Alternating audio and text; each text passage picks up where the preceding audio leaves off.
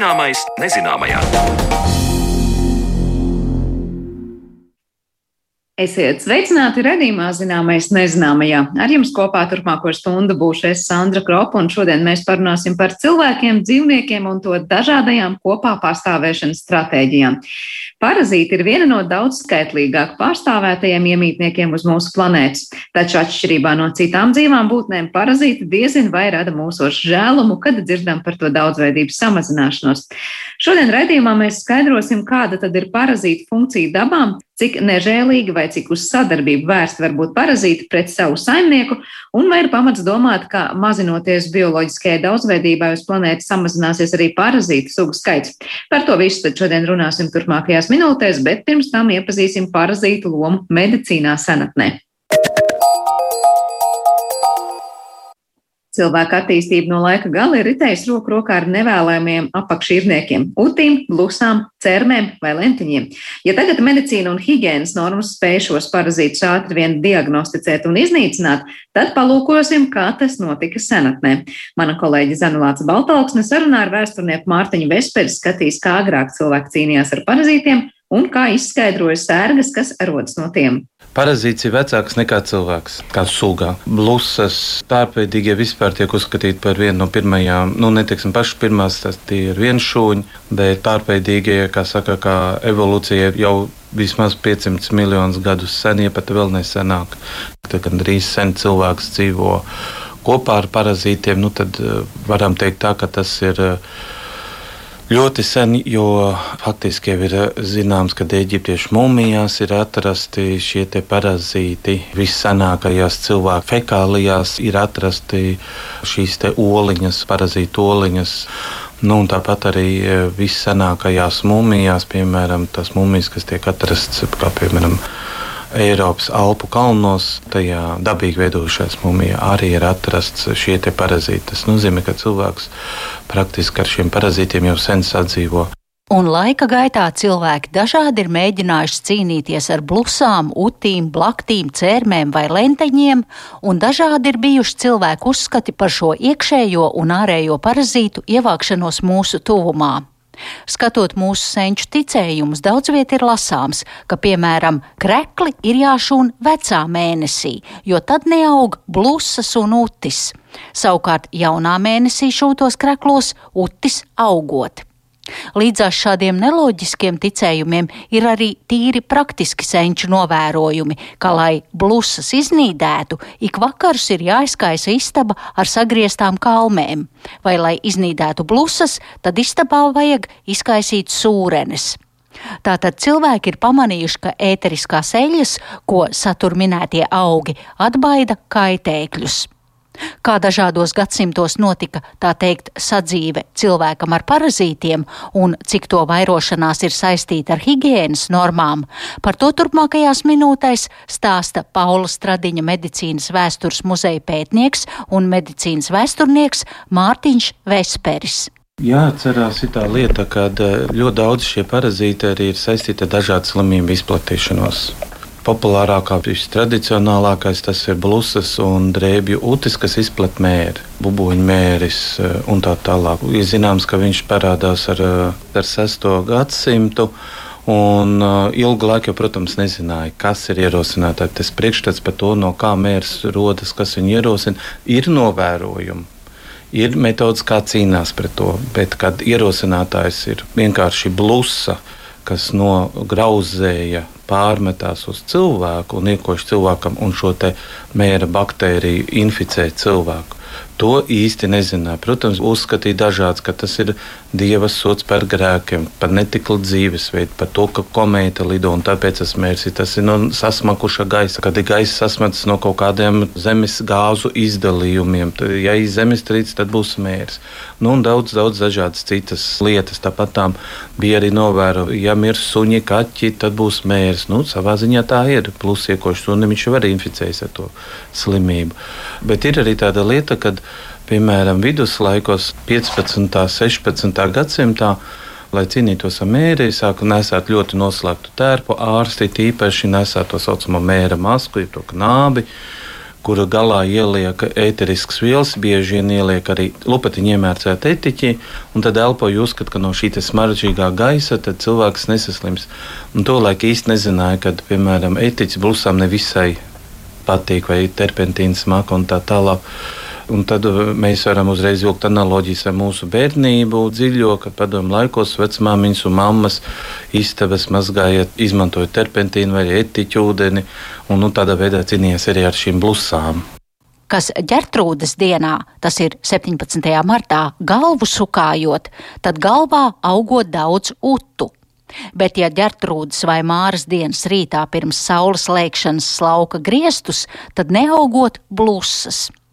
Tā atkal ir domājuši mūsu senči, bet skatot tīrības paradumus senatnē, bieži vien tie bija atkarīgi no tā, kādai kārtai cilvēks pieder.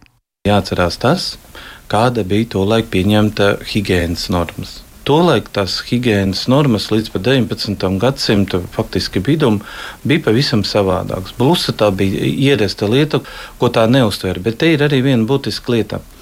To, ko varēja atļauties aristokrāts, to nevarēja atļauties parasts strādnieks. Nu, piemēram, aristokrāti bieži nesāja zīda drēbes. Zīdā blusa un it īpaši utis nespēja turēties vai blaktis. Viņas slīd. Plus vēl viņi bieži vien mainīja savas drēbes. Trūcīgāk situēti cilvēkiem faktiski savas drēbes nemainīja nedēļām, protams, viņi mazgāja. Tā nebija, bet arī nemazgāja ļoti bieži. Jo vēl viena lieta, ka jānošķir tas, kādi tev ir pieejami ūdens resursi, kur mazgāt savus drēbes. Īpaši jau lielās pilsētās jau arī tā epidēmijas bieži vien ir vissmagākās, jo tur tas tīrais ūdens pieejamība ir ierobežota. Plus vēl tev ir jāuzkarsē tad malkā akal izdevumi un tā tālāk. Protams, ir pieņemts uzskatīt, ka teiksim, 17. 18. gadsimtā Eiropā vēl senāk, protams, viena no tīrīgākajām sociālajām kārtām tie ir zemnieki. Un tas, protams, ir saistīts ar to, ka viņiem ir pirtis, zemā viņi iet pirtīs mazgāties, šo sakarsēto ūdeni viņi tad izmanto uzreiz vējas mazgāšanai un citām lietām. Un tas, protams, viņiem, es neesmu drošs, vai tas notiek katru nedēļu. Bet princips vienkārši ir tāds, ka nu, tiek uzskatīts, ka tie ir zemnieki. Un aristokrāti, nu jā, aristokrātu vidē tā tīrība ir praktiski, es teiktu, līdz 18. gadsimta beigām viņa Ir taču tie apraksti par to, ka e, noskalo tikai rokas un seju, kad ap kaklu visi ir netīras, visas dāmu zīda drēbes ir sasaukušās netīras, viss smird. Parādās tie saucamie smaržu flakoniņi vai smaržu buķetītes, ko tad dāmas bija uzlikuši tādu tā kā aprocītu, un tad smaržo vai parādās tādu konusiņu ķēdītē, un tad to konusiņu paceļ un tad pēlpo, lai neģībtu aiz tās aromāti. Nu, bet e, īstenībā tas ir atvainojums, ka es pārtraucu tās blusu ķeramās kastītes, un tad tur teikt, jā, kad, e, ieskājamās. Jā, jā, kad bija tādi blusu flakoniņi, kuros tad ķēra šīs te blusas arī matu adatas parādās, kad dāmām ir tās lielās frizūras vai kungiem parūkas, un tad ar tām adatām kasa, ja tu tā utskož, lai var viņu, kā saka, padzīt nost. 18. gadsimtā blusu slāzdi tika gatavoti gan no ziloņkaula, gan sudraba. Tās bija dobas cilindriskas caurules, kas nereti bija rotātas ar grezniem rakstiem, un šīs caurules iekšpusē ievietoja nelielus kažokādas vai auduma gabaliņus, ko piesūcināja ar taukiem, medu vai sveķiem, un blusu pievilināšanai arī uzpilināja dažus asinspilienus. Un tad šādus dekoratīvus stienīšus nesāja kā kaklarotas, vai arī dāmas tos piekāra pie kleitas, un tajā laikā tas bija ierasts modes aksesuārs. Pirms turpinām sarunu ar Mārtiņu Vesperi par parazītu ietekmi uz cilvēku, jāskata, kādi tolaik 17. un 18. gadsimtā bija uzskati par slimībām un higiēnu, un tāpēc neliels fragments no mūsu raidījuma arhīva ieraksta, kurā Cēsu muzeja viduslaiku pils nodaļas vadītājs Gundars Kalniņš stāsta par tā laika tīrības paradumiem un miasmas teoriju, uzskatu, ka infekcijas slimības tiek pārnestas ar sliktu gaisu. Pastāv uzskats, ka liela daļa slimību, šī infekcijas slimības pārvietojās pa gaisu. Ja, tad, tad šī miasma teorija, kur tikai 19. gadsimta vidū ar tiešām ar, ar, ar milzīgu šokējot sabiedrību, ka daudzas slimības, kā holēra, mēri vai, vai vēl citas, izraisa mikrobu. Nevis šis miasmātiskais gaiss, kā kādreiz tika domāts, jo, jo teiksim, smaka no cilvēka mutes vai smaka no toaletes poda, no sausās toaletes, šķietami tevi var saslimdināt. Un, un arī viens veids ir tas, ka tu vari šo miasmātisko gaisu vai, vai šo nu, samaitāto gaisu ieelpot. Uh, otrs ir tas, ka tu vari šo miasmu sevi uzņemt ar, ar ādas porām. Jo šī izpratne, kas ir viduslaikos un pēc tam arī jaunajos laikos, ir, ka mazgājoties karstā ūdenī, ķermeņa poras atverās un pa šīm ķermeņa porām šī slimība, ja, kas kā līdzīgi kā tādas sporas pa gaisu neredzams lido, var tevī nokļūt. Un tad ir uh, daudz dažādi gudri padomi. Mēs pēdiņā šoreiz varam teikt, kā ar to cīnīties. Tur Dieva ir vairāk iedziļinājusies par, par šo speciālo īpašo vannošanās rituālu, kā tad, kad tev ir jāmazgājas, vai kad tomēr mazgājies, uh, kā rīkoties. Galvenais, lai tev apkārt būtu smaržīgs gaiss un labāk izvairīties no mazgāšanās. Tā runājot par tā laika tīrības normām, turpina Cēsu muzeja viduslaiku pils programmu koordinātore Ieva Kalniņa. Tev ir jātur sevi ar smaržām sev apkārt pirmkārt, un tad pat ne, ne tikai mazgāšanās ir tas brīdis, kurā ir jāuzmanās, bet arī tas, kad tas smakas ap tevi ir, un tad pasargājot uh, elpceļus savus, tu vari turēt sev pie deguna kaut ko smaržīgu, kādu ziedu pušķīti vai, vai kādu pomanderu, kur vasks sajaukts ar, ar jaukām garšvielām un, uh, nu, garš, garšaugiem kādiem vai smaržvielām kādām, un, un otra lieta, tad pasargājot tās poras tev, protams, ir jāizvairās no tiem brīžiem, kuros poras varās vaļā. Tad ne tikai vannošanās, bet tā ir arī pirtī iešana un tā ir arī svīšana vispār, jo arī tajā brīdī, kad tev ir ļoti karsti, tad poras varas vaļā. Un tad ir būtiski, lai tev pie, nu, lai, lai ir, ir kaut kāda šī pasargāšanās, un tad nemazgājoties, ir tomēr jābūt arī tīram. un tad mēs nonākam pie tādas jaukas jomas, ko varētu saukt par sauso mazgāšanos, kas tiek ieteikta regulāri mainīt linu apakšveļu, to apģērba kārtu, kas tev ir pie miesas, un ieteicams tai ir jābūt lina, jo lins ir viegli mazgājams, vieglāk kopjams, un tā tad bieži mainot šo te linu apakšveļu, ķermeņa netīrumi uzsūcās linā. Un cilvēks nemazgājoties var būt pasargāts no slimībām. Ai laiki, ai tikumi mēs varam iesaukties. Bet, turpinot skatīt, kā pagātnē cīnījās ar parazītiem, ir jālūko pagājušais gadsimts un visai praktisks risinājums pret blaktīm. Par to turpina Mārtiņš Vesperis. Ja runājam par citām slimībām, ko izprat parazīti, nu tad uh, otra tāda ļoti būtiska slimība tas ir uh, tīfs. Un tīfu izplata blaktis. Un uh, te, protams, būtu jāskatās, jo tīfam ir dažādi veidi. Ir vēdertīvs, ir atguļas tīvs un tā tālāk. Bet faktiski arī, piemēram, armijā 20. gadsimtā vai tā ir Vācijas armija. Pamatā, un, un, un vēl Rietumē Eiropas armijā tika ieviesta zīda apakšveļa, jo zīdā blaktis neturās, viņš slīd. Runājot par nevēlamiem iekšējiem kaimiņiem, ir jāmin sengrieķu ārsts Galēns, kurš dzīvoja pirms nepilniem diviem tūkstošiem gadu un uzskatīja, ka parazītiskie tārpi rodas kādā no cilvēku šķidrumiem, kur karstuma ietekmē ir radusies pūve, un to var ārstēt ar diētu, asins nolaišanu un zālēm, kas atkal līdzsvaro cilvēku ķermenī esošos šķidrumus. Savukārt 13. gadsimtā valdīja uzskats, ka cērmes vai lenteņi rodas no nepareizas pārtikas, un no tiem var atbrīvoties, lietojot rūktus augus, piemēram, vērmeles vai genciānu. Kā rakstīts dažādos avotos, tas izraisīja pamatīgu caureju, bet arī atbrīvoja no tārpiem. Tik tālu par sadzīvi ar parazītiem vēsturē, bet par parazītu lomu dabā un cilvēku organismā mēs runāsim pēc brīža.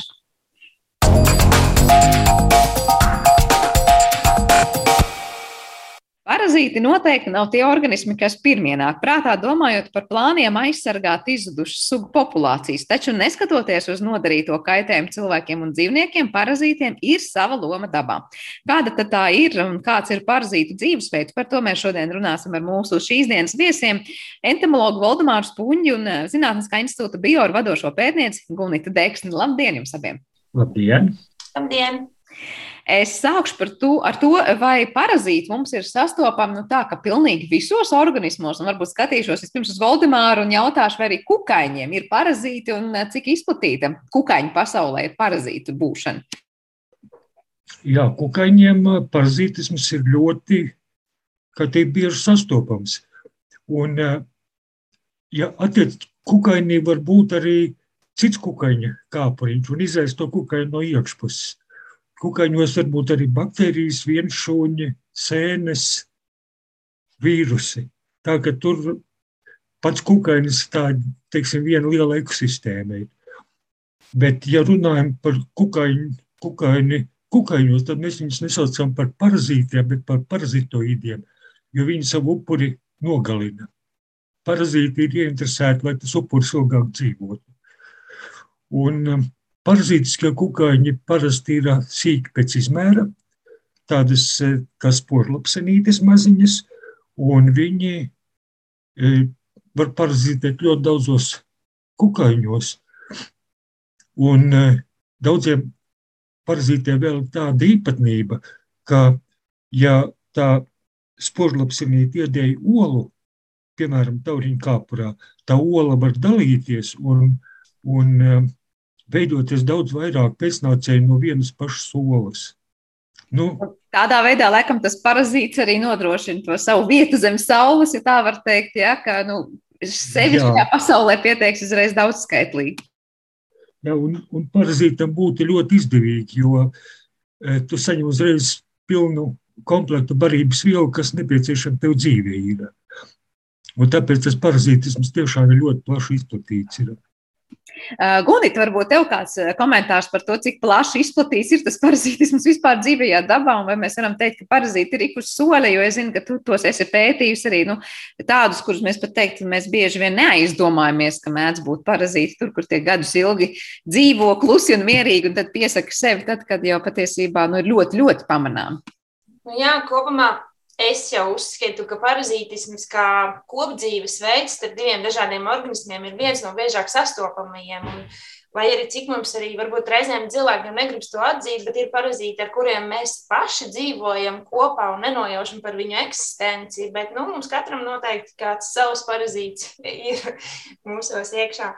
Un ko jau Valdemārs aizsāka par to, ka parazīti ir, viņam ir būt izdevīgi un viņi ir salīdzinoši gudri dzīvnieki, lai arī viņiem vēl varbūt nav, ne visiem jau ir smadzeņu aizbēgņi un neliekas, ka viņi varētu domāt, bet viņi ir ar savu to, savu vienkāršību spējuši nodrošināt, kas mainīt, piemēram, saimniekus, pat ja viņiem, piemēram, tādiem, ko cilvēki vairāk pazīst, lēnteņi, nematodus, nu tad vai tārpi, vienkārši? Viņiem nav ne kāju, ne spārnu, bet tie attīstības cikli viņiem ir tik daudzveidīgi, tā saimnieku maiņa ir tik, nu, nozīmīga arī viņiem, un zinot, ka viņiem nav šo pašiem šīs spējas pārvietoties, viņi izmanto savu saimnieku savā labā, lai tiktu no, no, teiksim, tā, no vienas, kā es skolēniem stāstīju, no vienas istabiņas otrā, pašiem neko īsti nedarot. Bet, eh, bet tā ir tiesa, ka šajā brīdī pasaulē, kad mēs daudz runājam par dabas daudzveidības samazināšanos, un mēs ik pa laikam dzirdam, lūk, šī suga iet zudumā, un tai nav piemērota apstākļi, arī parazītu mums kļūst mazāk. Vai te mēs varam teikt, nē, nē, ar parazītiem viss ir kārtībā, un viņi, kā saka, sev to vietu izcīna un atrod? Nu, par kukaiņiem es teiktu, ka ar tiem parazītiskiem kukaiņiem, ko mēs saucam par ektoparazītiem, tie mums ir asinsūcēji, ar viņiem uh, nu, lielos vilcienos ir kārtībā. Ir dažas sugas, kuras tiešām samazinās, piemēram, gultas blakts. Viņa ir izplatīta visā pasaulē, bet tagad man nu, nav tādu svaigāku ziņu, ka viņa pie mums Latvijā būtu. Iespējams, ka kaut kur ir. Ir tīpaši varbūt kaut kur pansionētos slimnīcās tam līdzīgi. Man pirms gadiem atnesa vienu gultas blaku, tādu galīgu plānu no ārstniecības iestādes, jo doktori nezināja, kas tas tāds ir. Nu, tā bija gultas blakus, un es viņu pabaroju, kā teikt. Viņa bija galīgi plāna, viņu pabaroju, un uh, viņa pēc tam nomira. Uh, iespējams, ka tur darbojas kaut kādas baktērijas, ja vīrusi, kas uh, to populāciju periodiski samazina.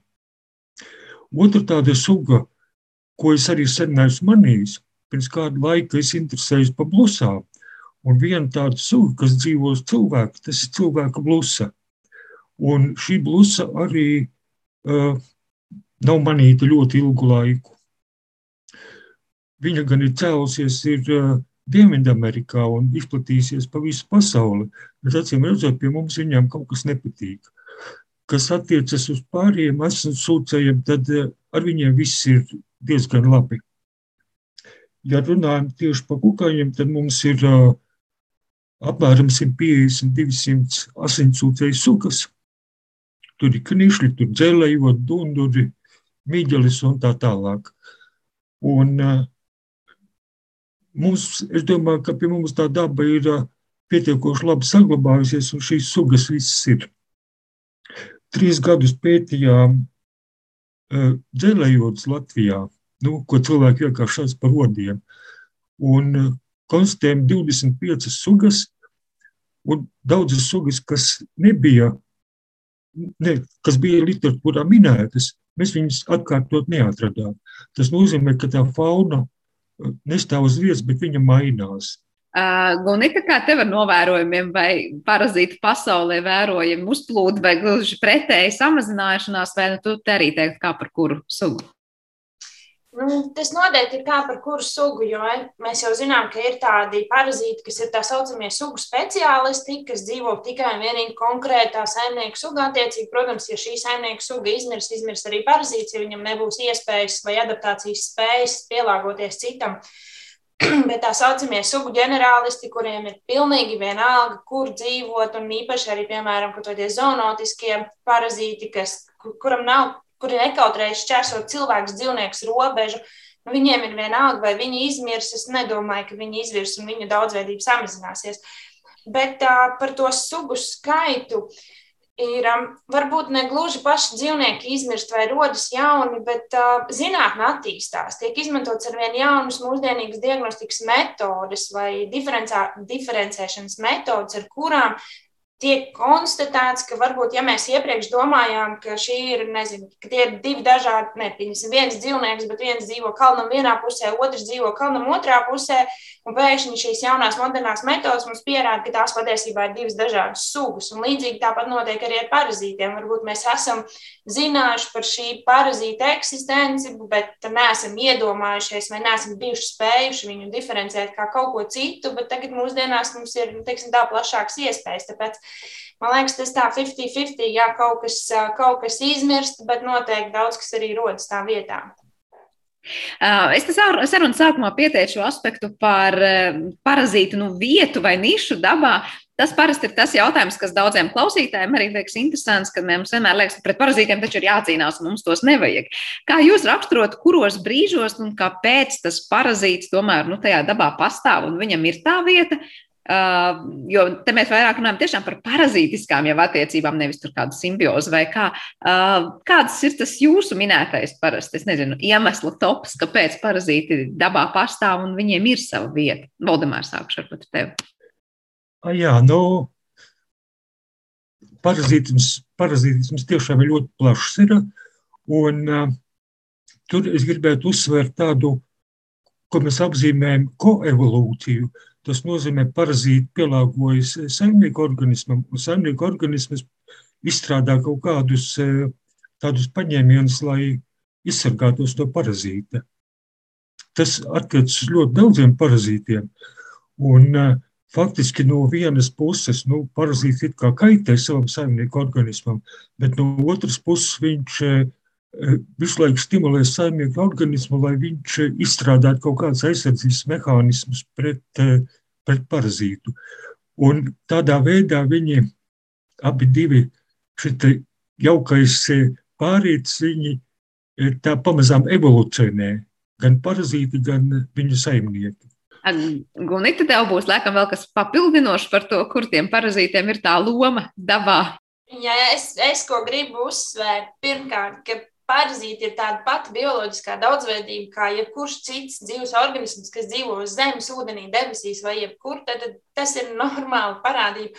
Un es gribu aizstāvēt parazītus, ka, ka neve, nu, parazītisms nav slikts. Jā, bieži vien viņš, diemžēl, ierosina nāvi, bet tas nav viņa mērķis. Ja? Cik daudz ir Valdemārs man piekritīs un pastāstīs varbūt sīkāk par visiem šiem viduslaikos izmanto, ka, ka parazītus viduslaikos izmantoja kā notievēšanas preparātus. Ja? Jo tad parazīta mērķis nav nogalināt saimnieku. Viņš uztur saimnieku tonusā, viņš reizēm pat palīdz dzīvot. Ir, piemēram, es zinu, ka tiek izstrādāti medikamenti uz parazītu bāzes bērniem pret alerģijām.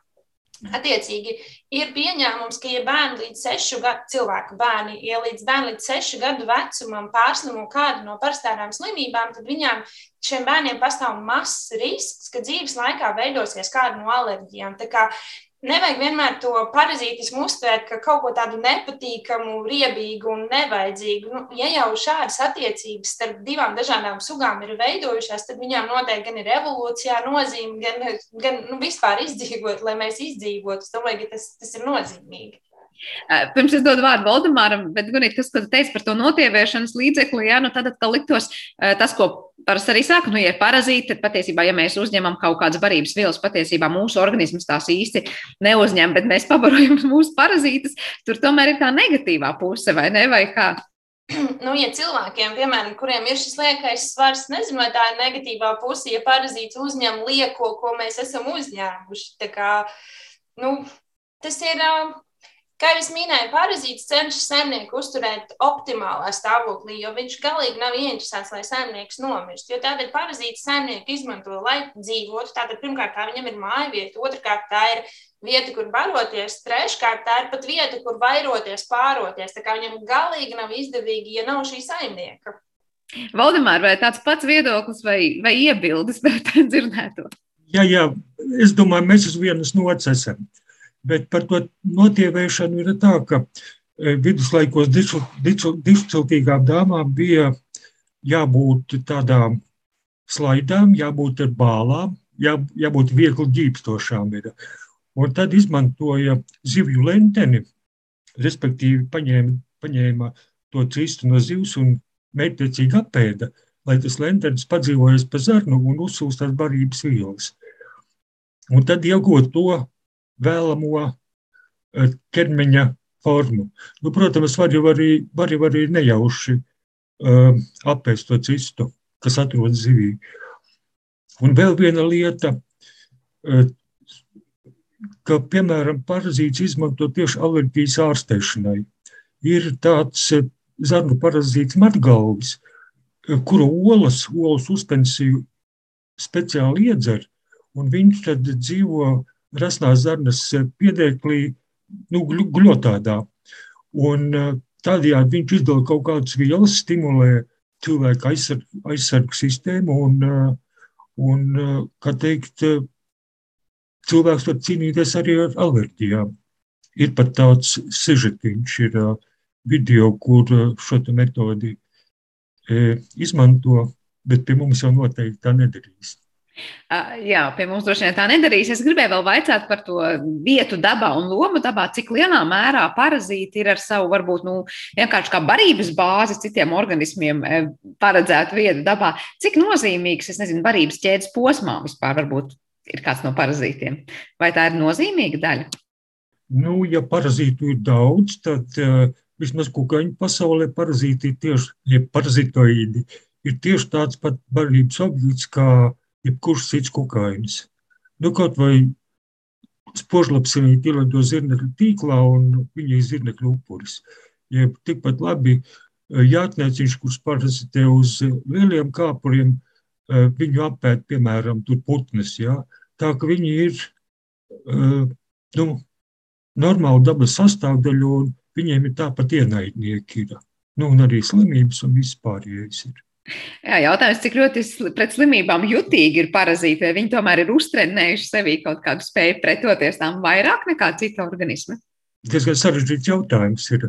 Nu, noteikti, ka viņi, viņi nu, parazītiem ir savi aizsardzības mehānismi, ir, un uh, iespējams, ja ir viņam kaut kādi ienaidnieki, nu, ne plēsoņas, bet slimības, piemēram, ka viņi tā, tieši tāpat kā jeb, jebkurš organisms izstrādā rezistenci pret e, kaut kādu saslimšanu, piemēram. Gunita, tev būs piebilstams kaut kas par viņu spēju izdzīvot šajā pasaulē un pretoties kādām slimībām vai citiem kaitēkļiem? Ja es atkāpjos solīt atpakaļ pie tās barības bāzes, tad tīri runājot par endoparazītiem, es tikai nevaru iedomāties, kurš tīšām ēstu endoparazītu, bet tas, ko es varu minēt, ka daži no endoparazītiem, tas, ko dara, maina savu saimnieku uzvedību, tādējādi veicinot to, ka nākamais saimnieks viņu var apēst. Attiecīgi, piemēram, invadētā zivs, kurā ir pilns vēders ar tārpiem, ir kļuvusi rasna, viņa nav tik viegli spējīga peldēt, izvairīties no plēsoņas, kas ir piemēram zivjādē putns, un attiecīgi šādā veidā parazīts ir netieši ietekmējis šo barības, nu, barības ķēdi par parazītu izturību pret parazītiem. Bet, nu, ja mēs odus nosaucam par daļai fakultatīviem parazītiem, kas tomēr izmanto cilvēku. Lietuvā plaši tiek veikti pētījumi par malārijas ietekmi uz odiem pašiem, un tur šie pētījumi pierāda, ja mums tā globāli domājot, liekas, malārija, tad slimo tikai cilvēks, bet šie pētījumi ir pierādījuši, ka arī paši odi slimo ar malāriju, un ja viņi ir invadēti ar malāriju, tad arī ierosina gan mirstību, gan samazina produktivitāti. Tā kā, uh, nu, Es uh, nedomāju, ka kāds pielāgojas pie parazītiem, jo pēc teorijas arī ir zināms, ka pret parazītiem neizstrādājas arī cilvēkiem imunitāte. Attiecīgi, ja vienreiz ir slimojis, pastāv iespējas arī vēlreiz uzņemt šos nu, invāziju. Man šķiet, ka nav tādas pielāgošanās spējas. Un arī tas, kāpēc viens varbūt ir vairāk pakļauts parazītiem, otrs mazāk, tas būtu vairāk to, kādā vidē viņš dzīvo un cik ļoti varbūt un ko lieto pārtikā un tā tālāk un tā joprojām. Es vēl gribēju nu, pajautāt, jūs minējāt dažādus jau parazītus. Saprotu, mēs varam runāt par ļoti, ļoti maziem organismiem, mēs te varam runāt par lenteņiem un, tā, un salīdzinoši ļoti lieliem organismiem. Var vilkt kaut kādas paralēlas. Es nezinu, tajā parazītu pasaulē dominē, tad es nezinu, tādi lielie, un es nezinu, vienmēr asociējas, kāpēc ar tārpiem tikai un vienīgi parazīti. Citi savukārt varbūt teiktu, nē, nē, parazīti visticamāk ir kaut kas pavisam, pavisam sīks, un tur nebūtu tārps, nav tas izplatītākais parazīts. Kāda tad ir tie izplatītākie parazīti, vai mēs varam teikt, ka viņu dzīves ciklā pārsvarā ir līdzīgas stadijas un līdzīgas, tā var teikt, scenārija attīstības? Nu, kukaiņu pasaulē parazīti parasti ir sīkāki. Ir. Nu, ir arī, protams, pēc izmēra lieli, piemēram, jātnieciņi, bet viņu eh, to lielo ir diezgan maz. Ir. Un savā nezinu, dzīves attīstības eh, posmos tie vairāk vai mazāk ir līdzīgi? Nu, Kukaņa, protams, ir eh, tā attīstība varbūt ar nepilnīgu un pilnīgu pārvēršanos. Piemēram, galvas utis, galvas utis viņus jaunās ūdens, kas izšķiļās no, no olas, ir ļoti līdzīgas pieaugušai, tikai mazākas ir. Un kad viņi dzīvo vienā vidē, kas attiec uz tiem parazitoīdiem, piemēram, spožlapsinītēm, tad eh, pati spožlapsinīte, piemēram, barojas ar nektāru, bet kāpurs barojas ar uh, miesu, un pa vidu vēl ir, teiksim, kūniņas stadija. Tā, tur ir ļoti daudz variantu. Ir. Vienveidība noteikti nav vērojama šajā pasaulē. Gunita, kā tu raksturot vismaz tos, to parazītu pasauli, kur tu pēti?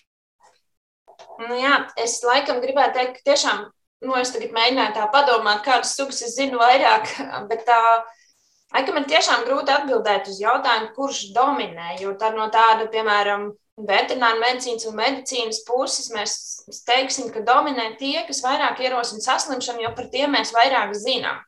Un tad, ja tādā veidā man būtu jāskatās, tad es teiktu, ka tie varētu būt vienšūnas parazīti, tātad tādi, ko mēs ar aci neredzam, jo tie galvenokārt ierosina vai nu caurējas, vai nu tāpat malārija, kas ir vienšūnas parazīts. Mēs zinām, ka viņi ierosina, bieži vien ierosina nāvi.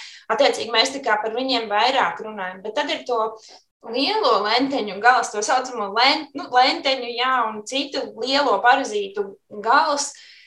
Piemēram, lenteņu gadījumā Viņi ar cilvēkiem kopā var zarnās dzīvot gadiem ilgi, un bieži vien cilvēkiem, ja zarnās ir, ir viens līdz divi lentiņi, viņi var neierosināt klīniskās pazīmes, un viņš tur ir. Un, un, un mēs viņu neredzam, attiecīgi, nu, tad mēs par viņu it kā nezinām. Un tad, nu, vai tādi ir mazāk, bet vai to, vai viņiem ir līdzīga attīstības cikls, gribētu teikt, ka katram parazītam ir savs individuāls un Varbūt kaut kādas kopīgas iezīmes ir, bet tomēr ir jāskatās uz katru parazītu kā uz ļoti lielu individu ar, ar savu personību, ar savu attīstību. Tā baigās tādas paralēles nu, ir diezgan uh, grūti vilkt. Tā kā, jā, tādu lielu atbildi uz to, kur ir vairāk mazie vai lielie parazīti, nu, es laikam nevarētu. Jā, laikam tas ir tas no bērnības iemācītais, kas vienmēr teica, nē, netīru, tur nezinu, salātu lapu vai, vai tāpat no dārza kaut ko, jo var dabūt parazītus. Jā, nu, tā sajūta ir vienmēr, ka parazīts sāksies no kaut kādas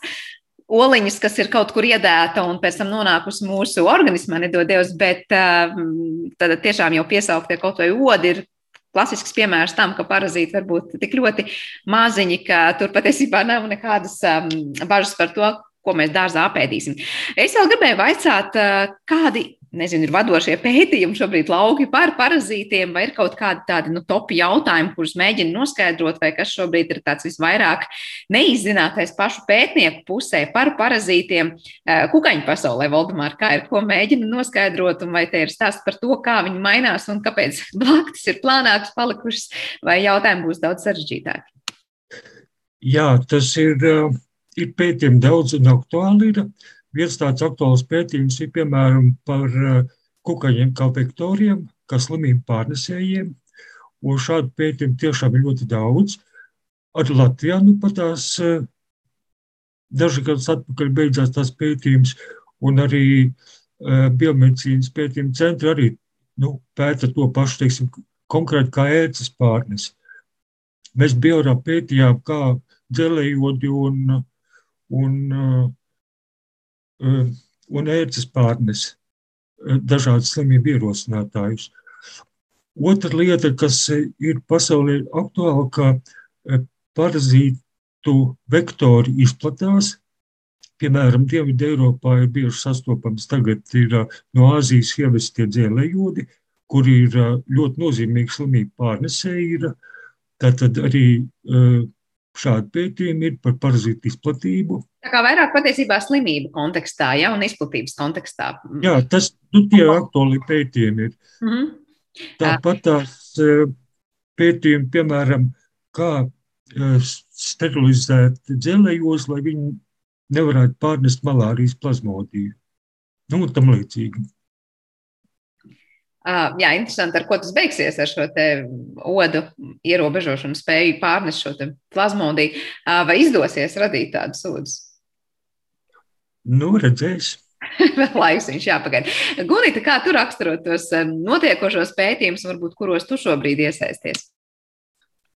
Nu jā, tas tie pētījumi virzieni, ko mēs šobrīd vairāk aktualizējam, ir tieši par parazītiem, kurus mēs varam apēst. Tātad ar kaut kādiem pārtikas produktiem, gan salātlapām jau minētām, gan uh, ogām mežā, kas būs šīs vasaras pētījums, kad mēs ķersimies klāt um, zemenēm un melnēm, skatīsimies, vai uz viņām mežā var saglabāties parazītu olas. Uh, Pagājušā vasarā veicām uh, pētījumu ar salātu lapām, tiešām no lauka audzētām salātu lapām skatījāmies, vai tur ir vai nav parazītu olas. Un zinātniecei par prieku atradām, lietotājiem par prieku, par bēdām. Tomēr droši vien zināt, te, lietotāji nav tik priecīgi, bet nu, man, man tas bija yes, prieks, ka mēs to izdarījām. Um, šobrīd, ko vēl mēs aktuāli veicam, tātad par vienu vienšu un kriptosporīdijām aktīvi pētam gan viņu sastopamību cilvēkos, jo uh, Pēc oficiāliem datiem Latvijā ļoti maz cilvēku slimoja gadu, divi līdz trīs gadiem, kas uz Eiropas fona ir ļoti neliels cipars. Ja Eiropā valstīs ir simti tūkstoši gadiem, tad Latvijā ir divi, trīs, kas liekas neticami, un attiecīgi mēs mēģinām atrisināt šo noslēpumu ķēdīti. Sākam ar dzīvniekiem, redzam, ka dzīvniekos, piemēram, lielopos ir diezgan augsts procents, tad mēs ejam tālāk caur vidi Šobrīd aktīvi pētām notekūdeņos, vai šis parazīts ir sastopams, lai reāli atrastu to transmisijas ceļu, to, to taciņu, kā šis parazīts no dzīvnieka īsti nokļūst gan pārtikā, gan gal galā līdz cilvēkam. Te mēs atkal sarunu noslēdzot, esam nonākuši pie tā jautājuma, kur vairāk liekas parazīts, tas ir slikti, jo redz, kur ir saslimšanas un redz, kur ir daudz kas cits. Kā beig beigās jūs raksturot, nu kāda būtu tā pasaule, ja pēkšņi parazīti, nezinu, kādu iemeslu dēļ, protams, pilnībā nevarētu pazust, bet ja nu tomēr ievērojami paz, iet uz zudumā, kuri būtu tie lielākie zaudētāji un kā mēs to izjustu? Proti, kāda būtu pasaule bez parazītiem? Valdemār, varbūt atkal sākšu ar tevi un tad Gunitā jautājums. Oi, atkal sarežģīts jautājums ir. Nu, varētu būt, ka saimniekiem zūd imunitāte un viņi ir pakļauti, piemēram, kaut kādām saslimšanām. Tā kā patiesībā pilnīgi pretēji tam, ko mēs parasti esam ieraduši domāt, jo liekas, ja ir parazīti, tad būs saslimšanas, bet šī gadījumā es saklausu, ja nebūs parazīti, tad varētu būt zudus imunitāte un kā reizes saslimšanas. Nu, jā, nu, tas ir tas, tas apgūtais loks, ka parazīts un, un saimnieks evolūcionē kopīgi. Jā, es negribētu piedzīvot pasauli bez parazītiem. Tas nebūtu interesanti. Bet, uh, ja skatāmies uz cilvēku saslimšanām, jau Covid rezultātā ir redzams, ka ir arī parastās slimības samazinājušās skaita ziņā. Tas ir tīra līkne, tāda ļoti skaista, ka samazinās ceļošanā, samazinās cilvēki ar vien biežāk mazgā rokas, mazgā visu, ko atnes no veikala, augļus, dārzeņus, viss tiek mazgāts. Tas bija redzams arī parazītu sastopamībā. Bet nu, es piekritīšu Valdemāram, ka es domāju, ka cilvēkiem samazināsies imunitāte. Jo, kā jau minēju, ka ir tie parazīti, ar kuriem mēs dzīvojam kopā, kurus mēs it kā nejūtam, bet ja viņi nebūs, un viņi ir tā kā treneris mūsu imunitātei, un ja viņi nebūs, nu, tad kurš trenēs imunitāti? Jā, tā kā jūsos klausoties diezgan optimistisks skats uz dzīvi, liekas, ka tiešām no parazītiem nav jābaidās, bet, protams, ir jādzīvo ar atvērtām acīm un ausīm, lai saprastu, ko mēs darām. Un, un, un laiku pa laikam tomēr nevajag aizmirst, ka tās rokas ir jāmazgā un viss, ko mēs atnesam no dārza, tieši tāpat, un vērība nav jāzaudē. Bet šajā reizē es teikšu jums abiem lielu paldies par sarunu un atgādināšu, ka šajā redzījuma pusstundā mēs bijām kopā ar entomologu Valdemāru Spunģi, kā arī Zinātniskā institūta bioāru vadošo pētnieci kolēģis Gunita Deksne. Ar to šis raidījums ir izskanējis, un to producēja Paula Gulbinska. Par mūziku gādāja Girts Bišs, bet ar jums kopā bija Sandra Kropa. Uz tikšanos!